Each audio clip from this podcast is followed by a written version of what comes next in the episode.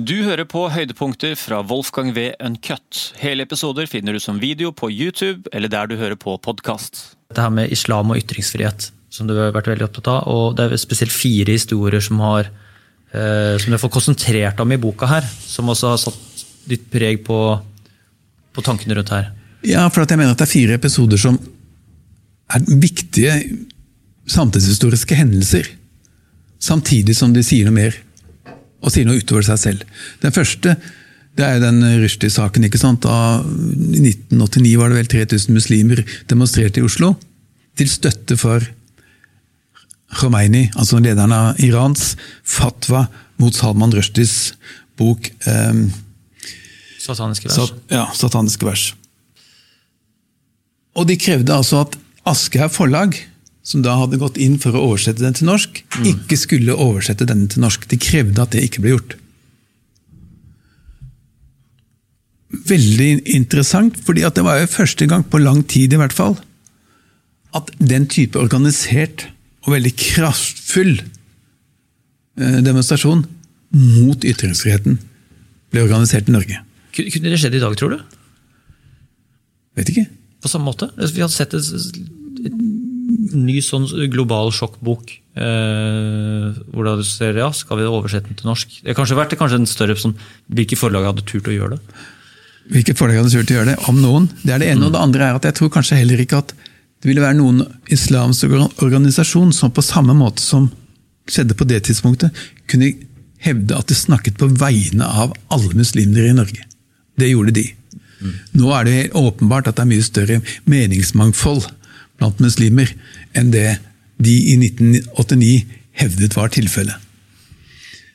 Men altså, det interessante var da denne demonstrasjonen, og ikke minst norsk offentlighets reaksjon på den, fordi at den var veldig mild. Biskopen i Stavanger sa mm, forståelig. Jo Benko sa ikke ta dette så alvorlig, som da var stortingspresident. Avisene skrev nesten ikke om det. Eh, altså, det Vaktingen oppmerksomhet. Fordi at jeg tror mange på det tidspunktet, til tross for at dette var altså 1989, det var den høsten muren falt, da diskusjonen om ytringsfriheten var veldig veldig sterk, for det var den som liksom hadde underminert hele det sovjetiske systemet, var det mange som mente. Altså disse liberale frihetene. Til tross for at dette var liksom den politiske atmosfæren, så ble dette forbigått nærmest i taushet. For jeg tror mange ikke orket å erkjenne at dette var faktisk noe som skjedde i Oslos gater i 1989. I tillegg til at man kanskje tenkte at det var forbigående, og det kan godt hende at det også var. Det var, det var den ene um, mm. Så var det um, interessante hendelsen. Skuddene i 1993?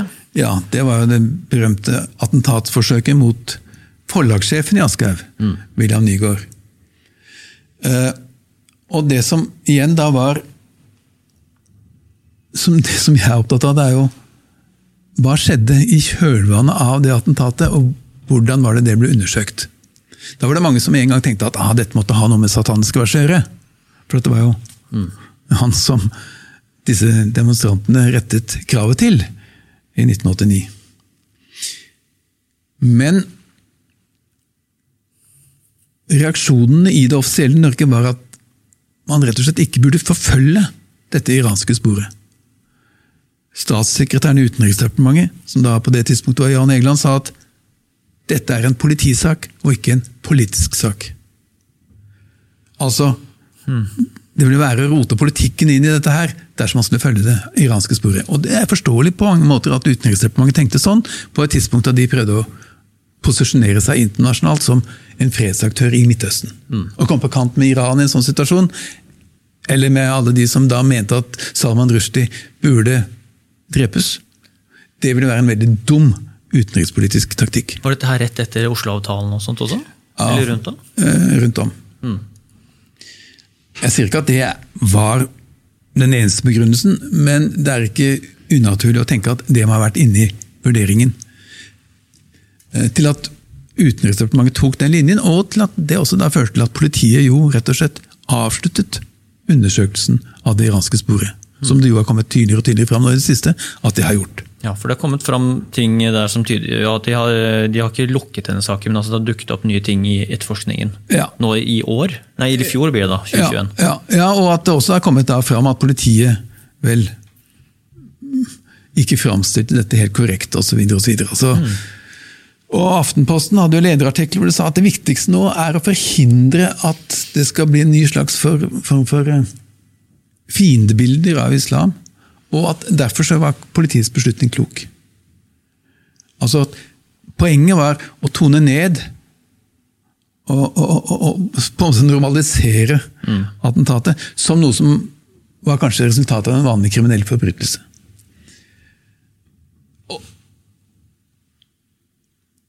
Det interessante i et, i et langt historisk perspektiv er det altså at parallellen mellom 1989 og dette, altså at man ikke ville gå inn i en diskusjon om dette kunne ha noe, med, noe å gjøre med islamisme, fordi at det å trekke den parallellen i det hele tatt ville være oppfattet som mer problematisk. Som farligere enn det å faktisk da prøve å fange. Eller ikke fange, men faktisk prøve å eh, få brakt til doms den som eventuelt sto bak dette attentatforsøket. Yes. Og så eh, historie nummer tre.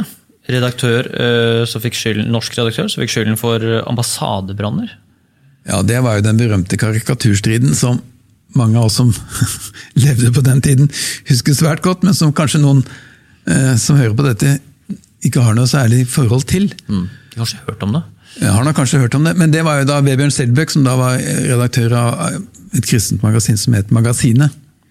Han ble jo da i norsk offentlighet beskyldt for å ha nærmest eh, satt norske eh, ambassader i brann. Altså at det var han som hadde, ved å publisere en kopi av Mohammed-tegningene, som hadde stått i Jyllandsposten litt tidligere, så hadde han da skapt all den uroen om demonstrasjonen og nedbrenning av ambassader og sånn. Og det var han som da ble gitt ansvaret for det av norske politiske myndigheter. Det mest interessante er jo at det var ikke igjen, og det er bare for å understreke at det er ikke islam og islamisme jeg er opptatt av, jeg er opptatt av norske offentlighetens holdning til dette. Det var jo Kirkens Nødhjelp og Kirkens Nødhjelps generalsekretær Aksel Sommerfelt som reagerte først på disse karikaturtegningene i Norge, og ikke muslimene. De sa ingenting.